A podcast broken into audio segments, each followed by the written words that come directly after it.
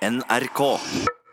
I denne podkasten skal det handle om noe som er veldig viktig på denne tida av året, nemlig julefilm. Yes, Vi skal snakke om de beste julefilmene according to us, altså våre personlige favoritter. Ja, og Det kan jo hende at du er uenig med oss og har andre favoritter, men det er selvfølgelig denne lista på ti julefilmer som er eh, fasit.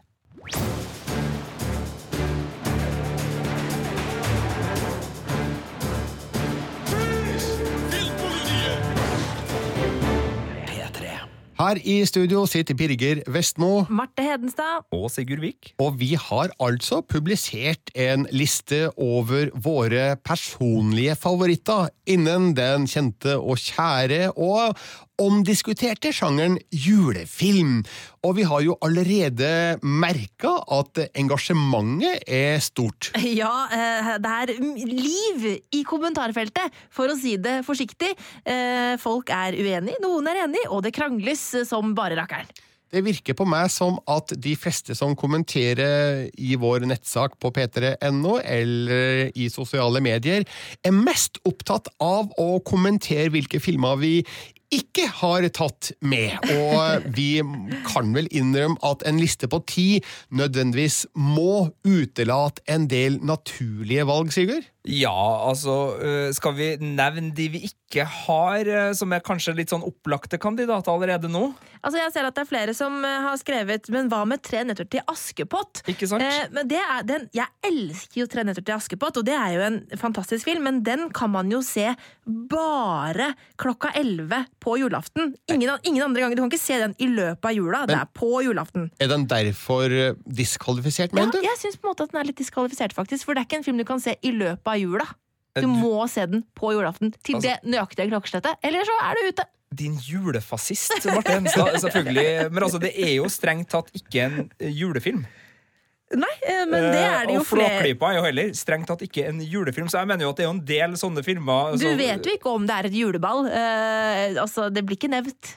Men, men, noen, men, noen, innvendinger i kommentarfeltet skal jeg gå med på at er relevante. Eksempel den gamle amerikanske klassikeren It's a Wonderful Life fra 1946, som riktignok har vært med på en tidligere versjon av Filmpolitiets julefilmliste, men ramla ut nå, litt av en såkalt målgruppetenkning som eh, vi i redaksjonen må ta hensyn til? Og vel litt fordi at dette her er den lista over de filmene som vi faktisk ser, fordi vi er glad i dem, som vi ser igjen og igjen, år etter år etter år. Det er favorittene. Det er eh, liksom Dette er eh, objektivt sett eh, den mest beste julefilmen altså, det, er, det er ikke en sånn Så Du er julefascist, og du, du håner de som har Dette, Denne kvalitetsfilmen Nei, men altså sånn Hvor ja, stemmer du legger til der, Marte? Altså, hvis slags... du elsker It's a Wonderful Life og ser den igjen og igjen og igjen, ja, ha den på lista di.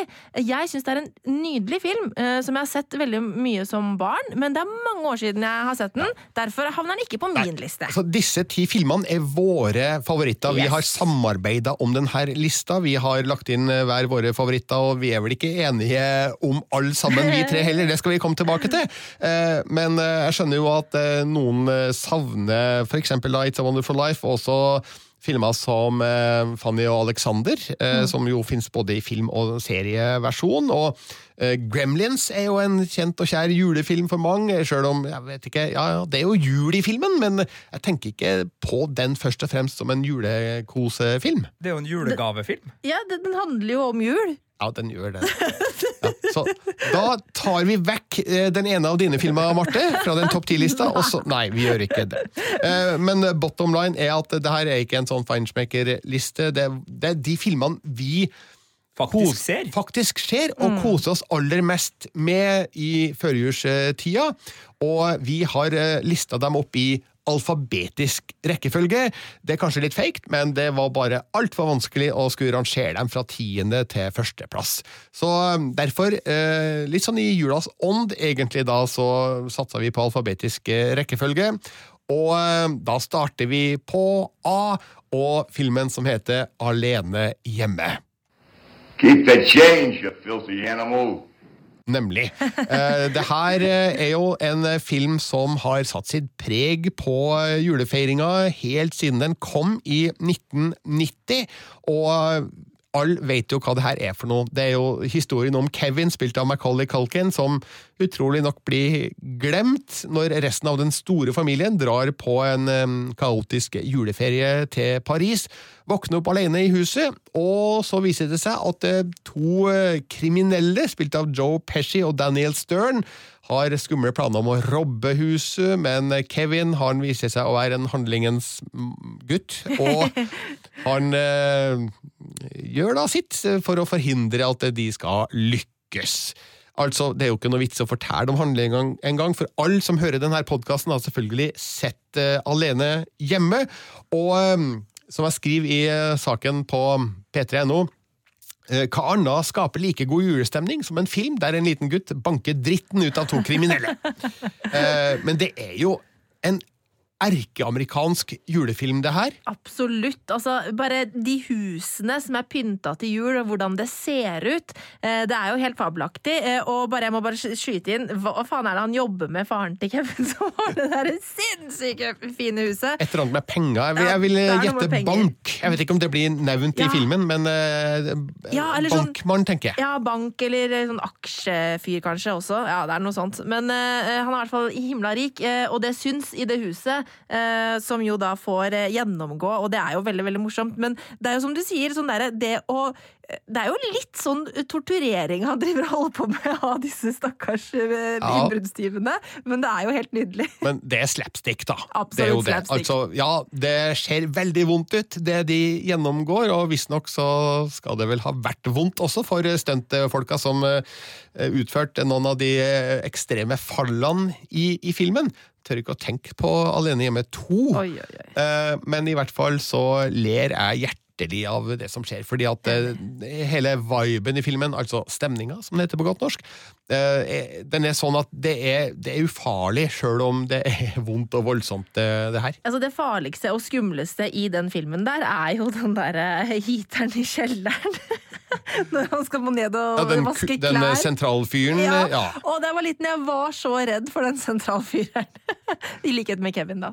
Innbruddstyvene var ikke så skumle. Sigurd, hvilke minner har du om eh, Alene hjemme? Nei, altså, Jeg har jo fått begrunnelsen, men jeg, jeg spør om begrunnelsen igjen jeg, i dette fora. Uh, hvorfor ble det Hjemme alene 1 og ikke Hjemme alene 2? Ja, for du har toeren som favoritt. Jeg syns den har bedre julestemning. Den har også ei låt som er helt fantastisk. Darlene Loves uh, Um, All Alone on Christmas. All Alone on Christmas Og jeg ja. uh, husker den, og jeg, jeg, setter mer pris på den. Jeg syns de har raffinert fellene, og det som gjorde den bra. Jeg syns hotellivet til Kevin er aldeles nydelig, og så syns jeg spesielt slutten. I New York, julebyen New York, uh, foran Rockefeller Center med juletrærne, er helt nydelig. Men, men, det er altså ikke filmen uh, Alene hjemme. Det er Alene hjemme 2 som ikke fikk være med på lista. Ja. Hvorfor fikk den ikke være med på lista? Det er fordi Alene hjemme nummer én er originalen. Det er den vi så først, nødvendigvis. Altså, De fleste vil jeg tro i hvert fall så den først. Mm. Og um, det er der vi blir introdusert for Kevin, og det er jo den filmen som legger eh, grunnkonseptet for resten av Alene hjemme-filmene, for det finnes jo fire stykker. Utrolig nok. Jeg har aldri sett nummer tre og fire. Nei, de er helt for jævlig ræva. Ja, for de er ikke med Macaulay Culkin Nei. eller eh, Chris Columbus.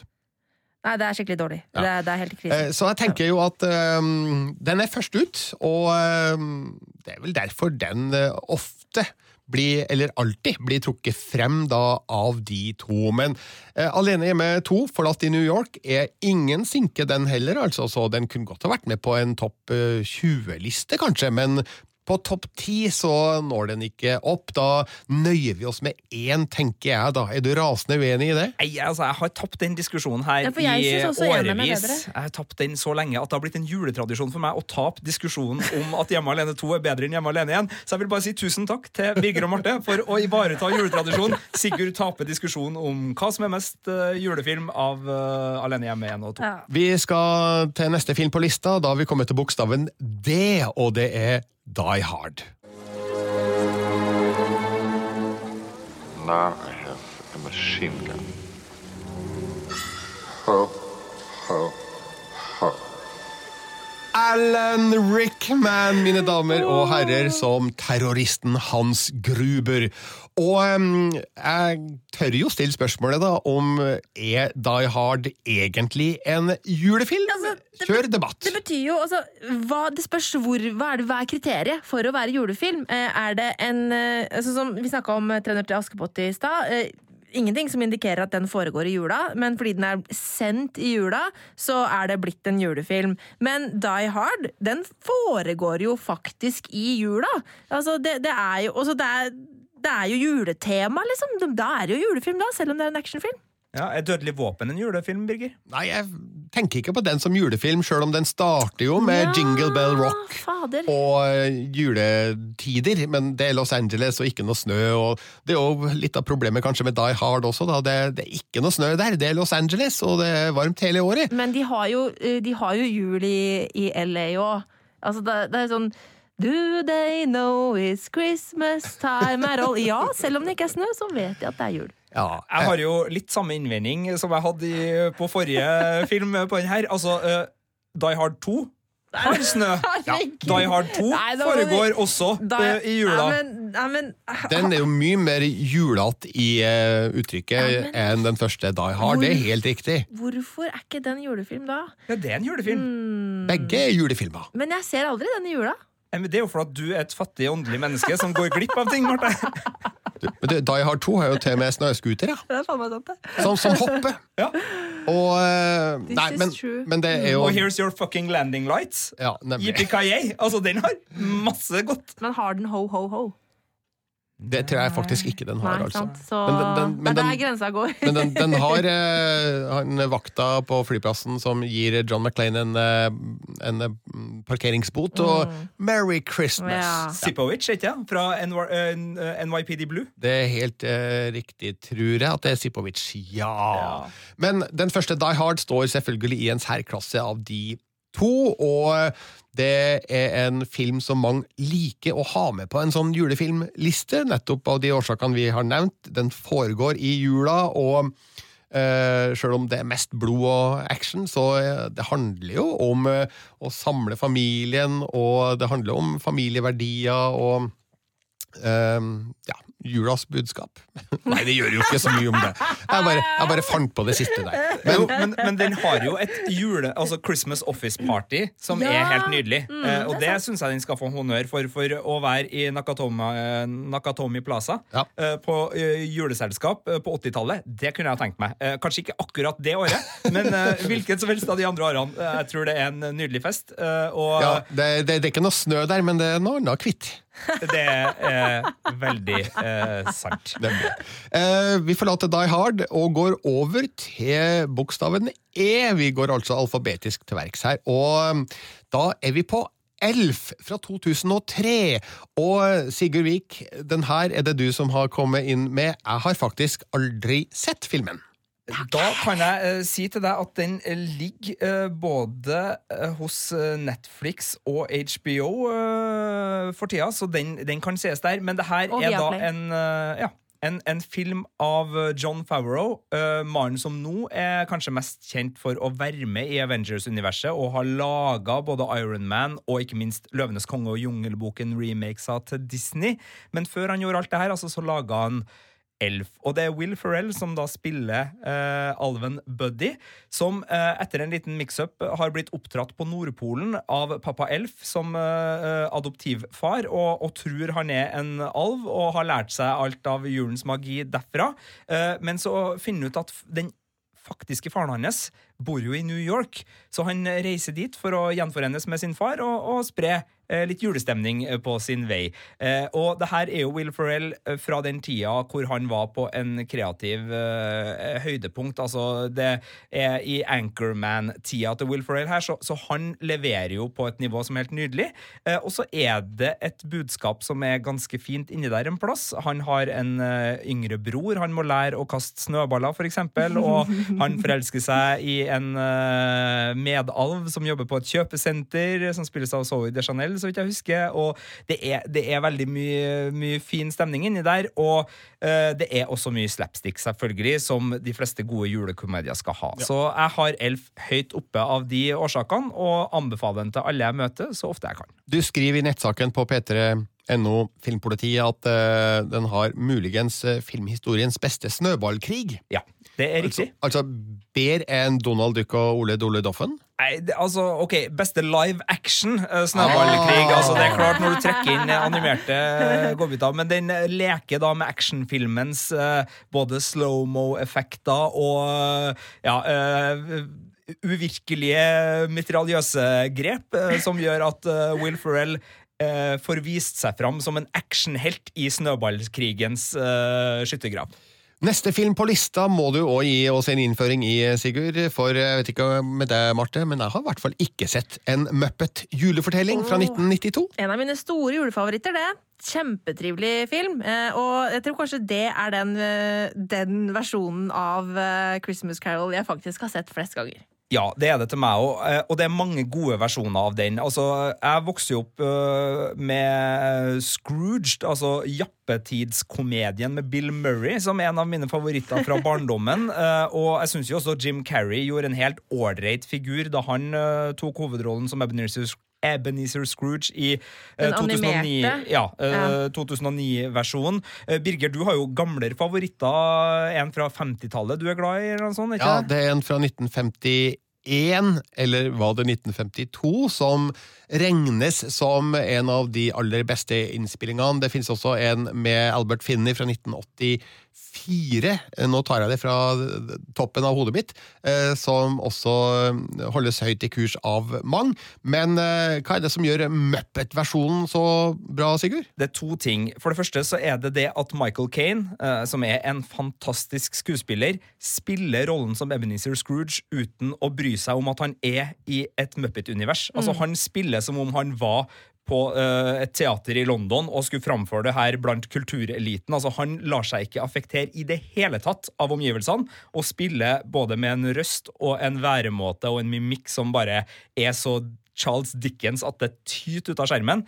Og det andre er uh, humøret og gleden i musikken. Det er noen låter her som er så full av julestemning og glede, og kombinert da med Muppet-humoren som krydrer de her låtene både med eh, helt sånn absurde situasjoner. Her ramler folk ned fra vinduskarma, og her uh, ja, det, slapstick har jo vært et, et, gjennomgående tema her. Det er en del av det også. I tillegg til at du har Miss Piggy og Kermit og alle de Ja, nå ble det tre ting og ikke to ting her, da. Men, men det, det, er helt nydelig, og det er Jim Henson, Muppet-liv på, på, det beste. Og eh, ja, musikken eh, er sånn at uh, jeg må rett og slett felle en tåre hver gang jeg hører den hovedlåta til The Ghost of Christmas Past, som er så fantastisk mm. livete og god at det er rett og slett en fryd. Og jeg tror det er fullt mulig å se den her på Netflix, eller leie inn hos Google, eller kjøpe den på DVD eller Blu-ray eller noe sånt. Ja. Eh, Pussig at du nevner musikk, fordi det er jo en veldig viktig del av den neste filmen vi skal snakke om.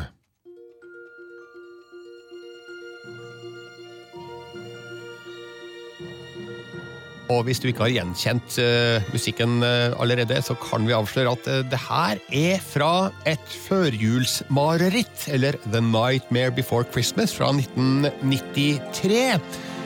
Regissert av Henry Selick, produsert av Tim Burton.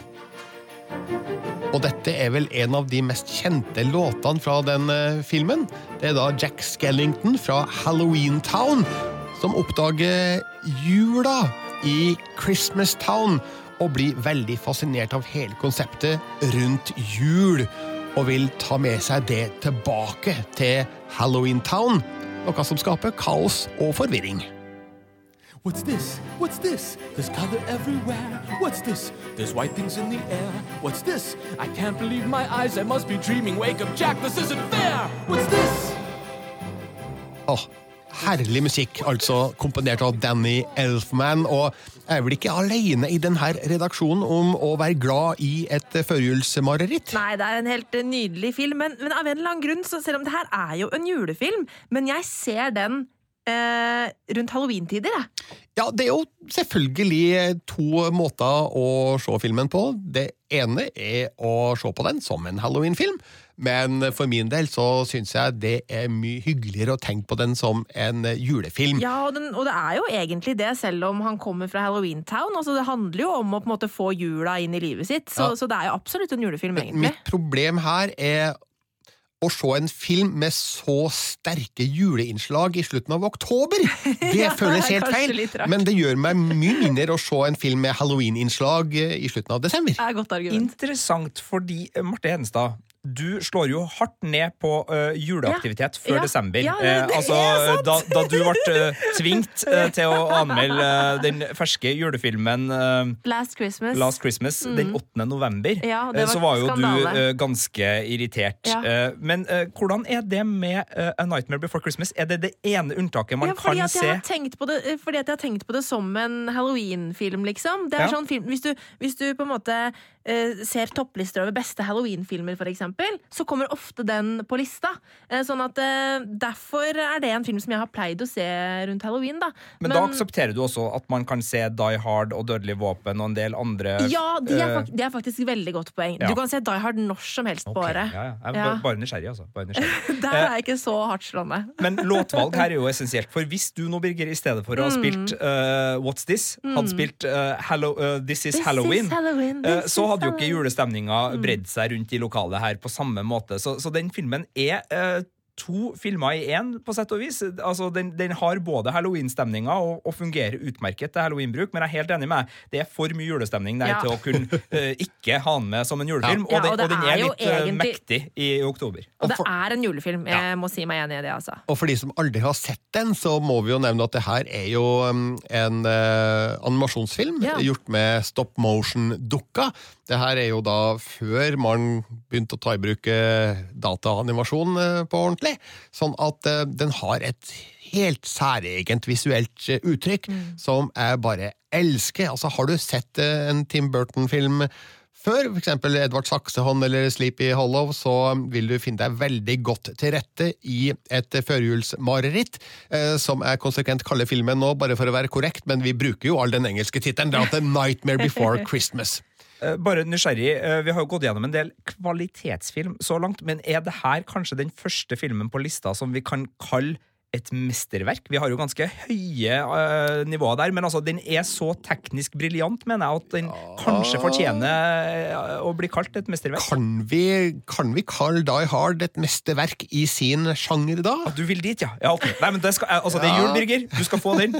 Die Hard og uh, et førjulsmareritt. Begge uh, mesterverk på sitt vis. Et førjulsmareritt kan du leie hos Apple eller Viaplay, og selvfølgelig også kjøpe deg på Blu-ray og DVD. Neste film på lista det er Hjelp. Det er Juleferie fra 1989, som har originaltittelen National Lampoons Christmas Vacation. Og det her er jo film nummer tre og med familien Griswold, som i den første filmen fra 1983 vel å merke, tror jeg, eh, drar til en fornøyelsespark, og i neste film så drar de til Europa. Eh, Men nå så heller de seg hjem og skal samle storfamilien til julefeiring. Og Clark Griswold, spilt av Chevy Chase, han eh, går helhjerta inn for å skape den beste jula noensinne. Og eh, satser kanskje litt for hardt, eh, blant annet på en del tekniske ting som ikke går helt eh, som planlagt. Og så er det noen forviklinger som skjer når han får uventa besøk av slektninger han kanskje egentlig ikke vil ha kontakt med. Og ja, politiet kommer inn i bildet på et eller annet tidspunkt, og det er noen naboer her som han kanskje ikke har det beste forholdet til. Det, det er mye som foregår i denne filmen som er både hylende morsomt og hjertevarmt på samme tid. Hvilke minner har dere fra Hjelp, det er juleferie? Nei, altså, jeg elsker jo den, og det er jo den der store uh, Familien er verst-filmen. Uh, og for alle som har storfamilier, og nå skal jeg, være, skal jeg vokte min tunge, sånn at ingen uh, gjetter hvem jeg snakker om. Eh, lån. men, eh, men altså sånn, det fins jo eh, eksentriske mennesker i de fleste storfamilier. Eh, og det er jo gjerne rundt høytider, bryllup, eh, 17. mai-feiringer og andre ting. Ikke så mye 17. mai, men, men altså, det, det er noe som, eh, som bringer folk sammen, og da skjer det ting. Og jeg syns denne filmen har en nerve når det gjelder eh, gnisninger mellom enkeltindivider i uh, storfamilien som er helt uh, perfekt. Og det er jo da uh, Randy Quaid, er ikke det bror Ja. Quaid heter, som spiller slektningen som kommer med sin campingbil på besøk her. Altså, han er perfekt som plageånd, og, som en fyr som kan plage en eh, ja, ikke helt enkel Chevy Chase på den tida. Han hadde vel et visst ego, men, men eh, det er et eller annet med friksjonen mellom de to som eh, er nydelig. Ja. Vi har jo snakka om det her før, Marte, i den forrige podkasten, men eh, det er jo en dokumentarserie på Netflix eh, nå som heter Filmene vi vokste opp med, og en av de handler om Alene hjemme.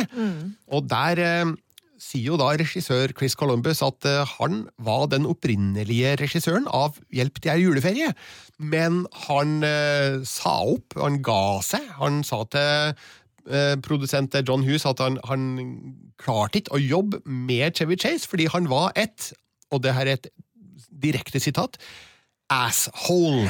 Så det er godt mulig at Chevy Chase hadde et stort ego på den tida, som du sa, eh, Sigurd. Eh, han som tok over, han het Herregud, jeg glemte Mm. Jeremiah Chechnik. Det der var veldig uh, ut av det blå Det her må Christmas Vacation søker på internett, og da finner jeg ut at regissøren het Jeremiah S. Chechik. Ja, det var ikke så, Ja, var eh, veldig, var ikke så halvgærent, da. Eh, han tok den jobben i stedet for, mens eh, Chris Columbus han fikk i stedet manuset til en annen film som John Hughes hadde skrevet, som het Alene hjemme. Så det var ikke så verst trade-off, det da. Eh, Men ok, Hjelp, det er juleferie. Den kan du se på Viaplay, Apple og Google. Og nå, Marte Hedenstad, skal du i ilden fordi eh, den neste filmen på lista, den, den er din. Den er min. Den heter The Holiday. Er fra 2006, og eh, hva er nå det her for noe? Det her er en romantisk komedie som jeg vil påstå er den koseligste. Pur, ren lunhet og hygge. Eh, Det handler da om eh, et, altså to kvinner. Eh, Den ene bor utenfor London, på ei lita landsbygd. Den andre bor i LA og er sånn derre trailer... Filmlager, Hun driver og lager trailere. Det er da Cameron Diaz og Kate Winslet. De har mannetrøbbel, er drittlei livene sine, går inn på en nettside om sånn derre oh, swap houses. Og så bytter de rett og slett hus i jula for å komme seg bort fra sine irriterende liv. Eh, og så finner de selvfølgelig kjærligheten på hver sin kant av Atlanteren. Ferdig! Ja! Eh, Det er et godt pitchemøte. Eh, Jeg skal gi deg det. Det er et eh, enkelt og greit pitchemøte for å få The Holiday Ja. inn hos produsentene. Men, men er den altså, sånn, Den er jo så enkel. Altså, Den er er, er så det enkel, nok og- lunhet til å fylle 190 minutter? Ja, for dette her er jo eh, en veldig enkel oppskrift. Eh, ikke noe sånn derre å, å rope hurra for hvis du liksom leser historien sånn som jeg gjorde nå. Eh, men det er så utrolig mye hjertevarme i den filmen her at eh, man blir helt fullstendig revet med. Og det er spesielt på Kate Winslets sida, altså i LA, der hvor hun da bor i, Cameron Diaz sitt, eh, sitt hus, da, hvor hun møter Arthur, som er da en gammel manusforfatter, liksom en av de gamle store i Hollywood, som er sånn ensom og alene, begynner å bli litt sånn surrete, og de to utvikler et vennskap som bare er så nydelig, eh, og han eh, hjelper da eh, Kate Winslet sitt rollefigur å, å, å finne på en måte tilbake trua på seg sjøl, og det er altså så nydelig, den historien der, at jeg, jeg, må, jeg må gråte mange tårer hver gang.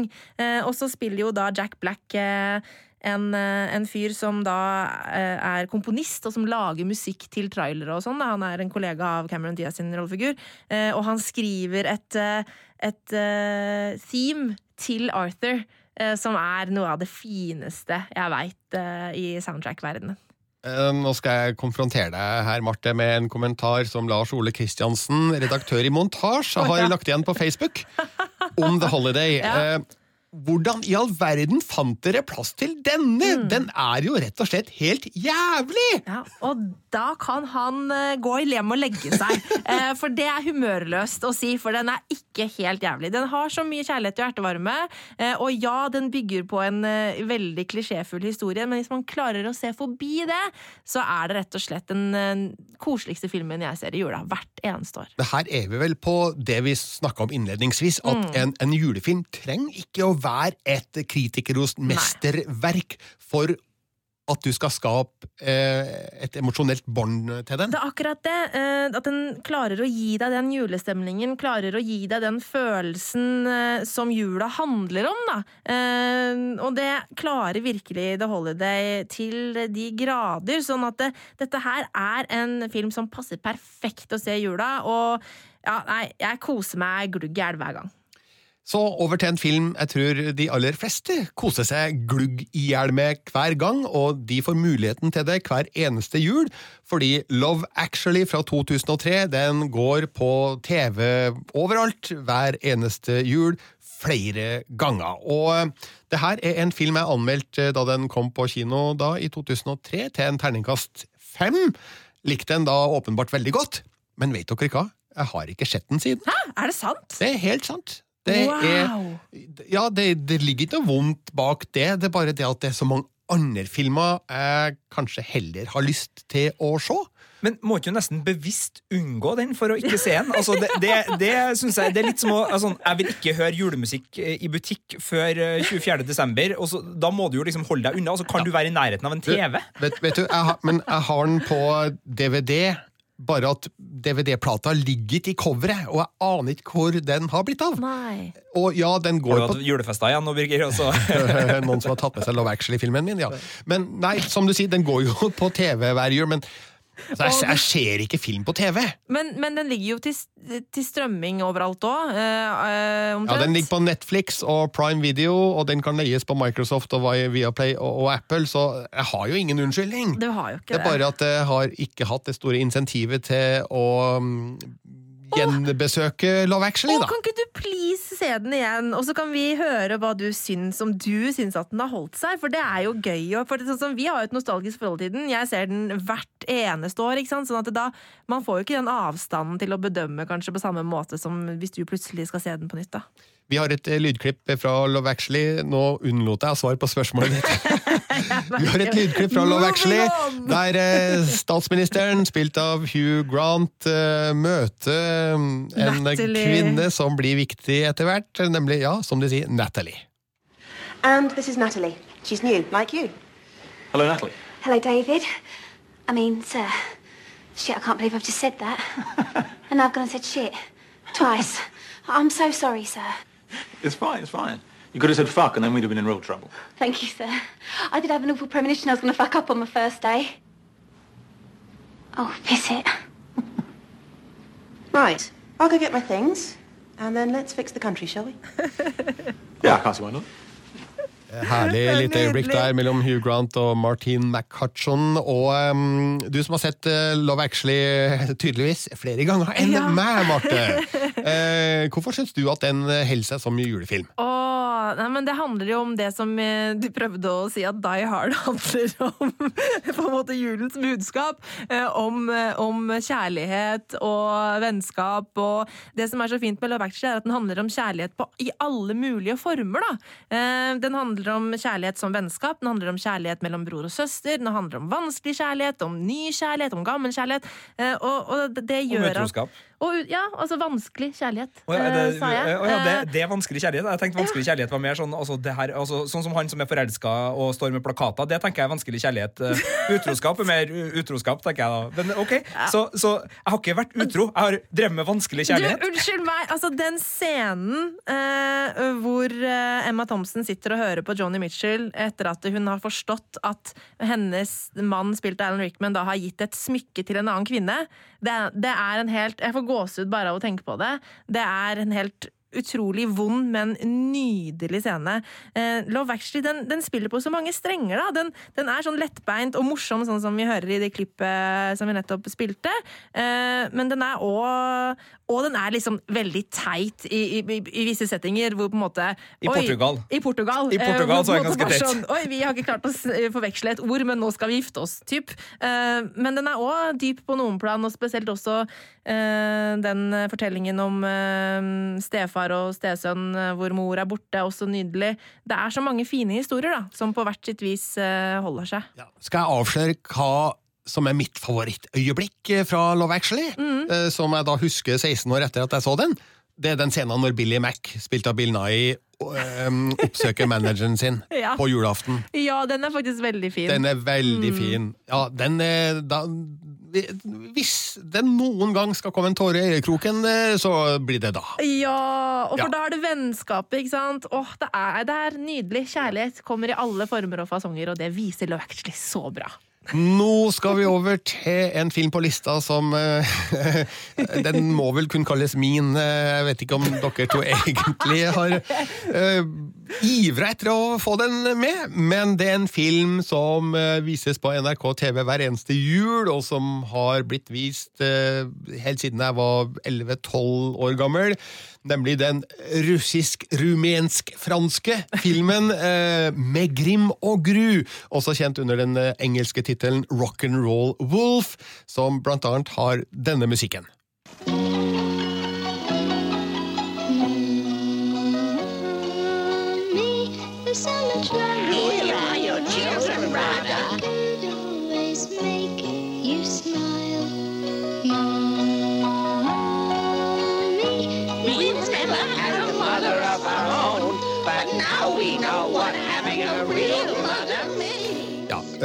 Marte, jeg ser jo du sitter og vugger med hodet her, så du er ikke helt fremmed for å synes at Med Grim og Gru har noe? Nei, altså, jeg husker jo denne filmen veldig godt fra barndommen. Eh, dette var en film jeg så da jeg var liten, men jeg har ikke sett den i voksen alder, altså, Birger. Nei, nemlig. Men uh, for en som uh, har sett den i voksen alder, både titt og ofte og sammen med egne barn, så er det her et fantastisk morsomt eventyr med helt psycho 1970-talls set decorations og kostymer og fengende musikk, faktisk. Veldig fengende musikk. Mm. Så det er en film som er verdt å oppsøke hvis man ikke har sett den før. Den er jo basert på et gammelt folkeeventyr, og jeg skrev en artikkel om filmen for noen år siden, 'Rockeulven fra østblokken'. Så hvis du søker på Google etter 'Rockeulven', så tror jeg den saken er det første du, du får opp. Eh, så den, den, den, kan virke å være en slags variasjon på et eventyr av brødrene Grim, eh, skrevet av en rumensk forfatter som heter Ion Kranga. Beklager hvis jeg ikke uttaler det helt riktig. Og det handler da om en eh, geitemor, Rada, som må beskytte sine killinger mot en sulten, slem og veldig kjekk ulv som heter Titi Suru. Og er Titi Suru veldig kjekk, Marte? Har du noen minner om det? Uh, nei, altså det, det jeg har veldig mye minner om de der. Han hadde veldig voldsomme øyebryn. Det er det jeg kanskje husker mest. Eh, men eh, jeg tenkte ikke over at han var så kjekk. Men jeg var, var jo et barn. For, du var kanskje litt for ung? Jeg var for liten. Jeg var jo Altså, det her er eh, type Kanskje jeg så den i første klasse på barneskolen. var forrige gang, siste gang liksom. ja, Se den om igjen nå, da. Ja, jeg får sjekke den ut, og sjekke om jeg syns at Titi Suru ja. er heit. Og så må jeg bare si til alle cosplayere der ute som er på utkikk etter ja. noe litt sånn nytt og spennende for jula, hva kan jeg liksom uh, gjøre som kan overraske på, på den her uh, fronten, så er det en del uh, visuelt fengende kostymer i både ulveflokk og, og ellers i den, som, som ikke liksom er den der typisk eh, Hollywood-malen, eller eh, har japanske tradisjoner i seg? Det her er noe, noe særegent og, og, ganske kult, syns og veld, og veldig mange har jo stifta bekjentskap med det her universet på teater i Norge de senere åra, fordi det var jo en kjempesuksess først på Trøndelag Teater, deretter på Nationaltheatret i Oslo. Og um, det kan nok tenkes at det er en av årsakene til at filmen fremdeles lever et uh, liv. Uh, nå skal det sies at den fins i tre forskjellige versjoner.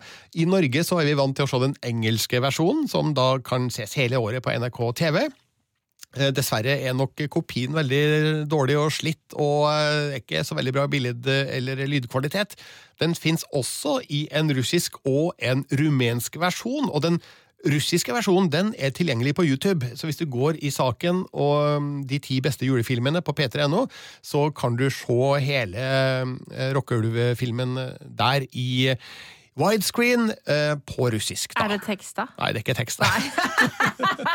Men eh, har du sett filmen før, så er det ikke veldig nødvendig med teksting, tenker jeg da.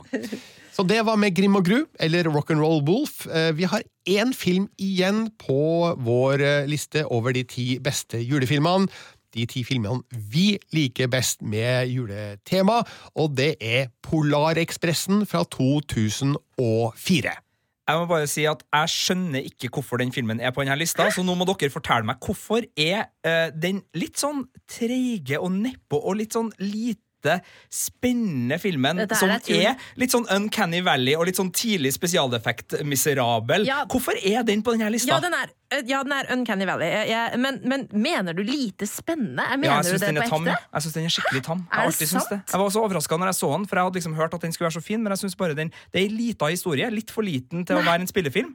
Og uh, den er tam. Det er jo ikke en liten historie, det er jo en kjempestor historie. Det er jo historien om det å bli voksen og det å legge barndommen bak seg. Det er en en og, stor tematikk, ja. eh, og, altså, det er jo Men ikke en stor historie. Det er en liten historie. Det er jo ikke en liten historie. Han reiser jo til julenissen. Altså, Ja, kort historie. Nei. Kort film. Ja, eh, Det er også en nydelig animert film. eh, Bortsett fra, ja, øynene til Ja. figurene er skikkelig Uncanny Valley. Det er de. De er ikke veldig bra og prega av datidas eh, teknologi. Men alt annet enn øynene er jo helt avsindig nydelig animert, og her bøtter jo regissør Robert Zemeckis på med julestemning på julestemning på julestemning. Mm. Det er jo skikkelig julestemning overload eh, underveis, men jeg syns at den har et uttrykk som gir meg sånn instant uh, julestemning uh, når som helst. Enig, helt enig. Jeg, det er litt morsomt. Nei, Jeg er inne i saken vår nå, som ligger på p3.no, og helt nederst så ligger jo da Polarekspressen. Og det bildet som på en måte ligger på, på traileren som ligger inne i saken av han gutten, Ja. han ser jo helt gæren ut i øya. Ja. Så øynene er litt ubehagelig Det- å se på, men man glemmer det etter hvert. Altså, du ser på Robert. Zemeckis burde kanskje gå tilbake til filmen og remikse øynene, for nå har de mye bedre teknolo teknologi til å, til å Ja. lø- løse det. Om vi kunne fått en slags eh, remastera versjon, hadde vært helt nydelig. For det her er en utrolig vakker film, altså, bortsett fra det der. Ja. Uh, og jeg den, den rører meg langt inn i hjertet, eh, den historien om, om det å å miste barnetroa eh, er jo det som på en måte ligger og dveler baki der, som er også litt sånn trist og vemodig, samtidig som det er en veldig fin eh, fortelling også. Så det, er en helt nydelig julefilm. Og så er det 100 minutter med stemmen til Tom Hanks. Det òg. Overalt. Fordi han spiller jo flere roller her. Han spiller jo da til og med gutten i filmen. Men eh, med en annen stemme, da. Så jeg, jeg liker den filmen veldig godt, og tenker at den fortjener å være med, altså. Så beklager, Sigurd. Nei, nei, Du det- er outvoted. Men uh, akkurat som jeg Jeg hadde nok ikke tatt med The Holiday, eh, Marte. Og Nei, jeg hadde nok ikke ikke tatt med Elf, eh, Sigurd, så vi, vi er uenige om ting her. Men du har jo ikke sett Elf. Jeg har jo sett Polarekspressen og The Holiday. Ja, jeg har Så sett jeg, så jeg Ok, syns jeg, jeg hadde bedre ikke hatt, jeg hadde ikke hatt med uh, Hjelp deg juleferie. Nei. Nei. Uh, du har sett traileren til Elf. Det, det har jeg gjort. Og det, det holdt! Det holdt! Oi! Ok, eh, jeg tror nesten vi må runde av før uh, julestemninga siver ut av denne julefilmpodkastpraten og blir eh, litt slemmere og, og skarpere. Altså, Nissen er jo ute og kikker i vinduene eh, fremdeles, så jeg tror ikke vi skal holde på så mye lenger, for da gjør jeg kanskje ting som uh, gjør at jeg havner på Men i eh, hvert fall, liste. gå på p3.no, Filmpolitiet, og les saken der. De ti beste julefilmene. I kommentarfeltet kan du eh, skrive hvilke som er dine favoritter, og hvor store idioter vi er. Som Mm. Ikke godt. har valgt de. Eh, Følg oss også på eh, Twitter og på Instagram. Send oss en e-post på filmpolitiet etter nrk.no hvis du vil oss noe. Vi er tilbake med en ny podkast om en uke. Og eh, hva skal det handle om da, Marte og Sigurd. Oi, nei, det er vel noe Det er vel ei lita liste da òg, da? Ganske Nei, jeg tror nok vi skal tilbake til 1977. Å, du vil dit, ja. Det er det Og så som er syns jeg at det har synd at det har Mm. tatt uh, så mange år, altså Shit, det det eh, vi skal høre. 42 år, å gjøre ferdig en uh, sånn ussel liten. Skywalker-saga, men det har det altså tatt. Ja. Og uh, når vi kommer til neste podkast, så har vi nok alle tre sett Star Wars The Rise of Skywalker. Tenker det blir det naturlige Det temaet i neste podkast Det det skal handle om. Eh, og jeg skal jo se den på onsdag. eh, Birger skal se den på tirsdag. Jeg, jeg gruer meg av en eller annen grunn nå. Jeg, jeg gruer meg til å se filmen. Jeg er i ferd med å nullstille meg, sånn at Ja. jeg skal stille uten egentlig forventning av Ja, er verken den ene eller den andre veien. Men Så- Marte var jo inne på noe viktig. For at vi kommer, vi driver, altså Det tyter lister ut av Filmpolitikontoret om dagen. Ja. Og uh, så, så følg med på nettsidene. Det kommer til å komme lister over de beste filmene og seriene fra 2010-tallet. Det kommer til å komme lister fra 2019. Og, og når vi begynner å nærme oss nyttårsaften, så, så kommer det jo også det vi gleder oss til i 2020. Så det kommer til å bli så listete. Det gjør det. Så vi har en jobb å gjøre, så her kan vi ikke sitte lenger. Vi er Birger Vestmo. Marte Hedenstad. Og Sigurd Vik?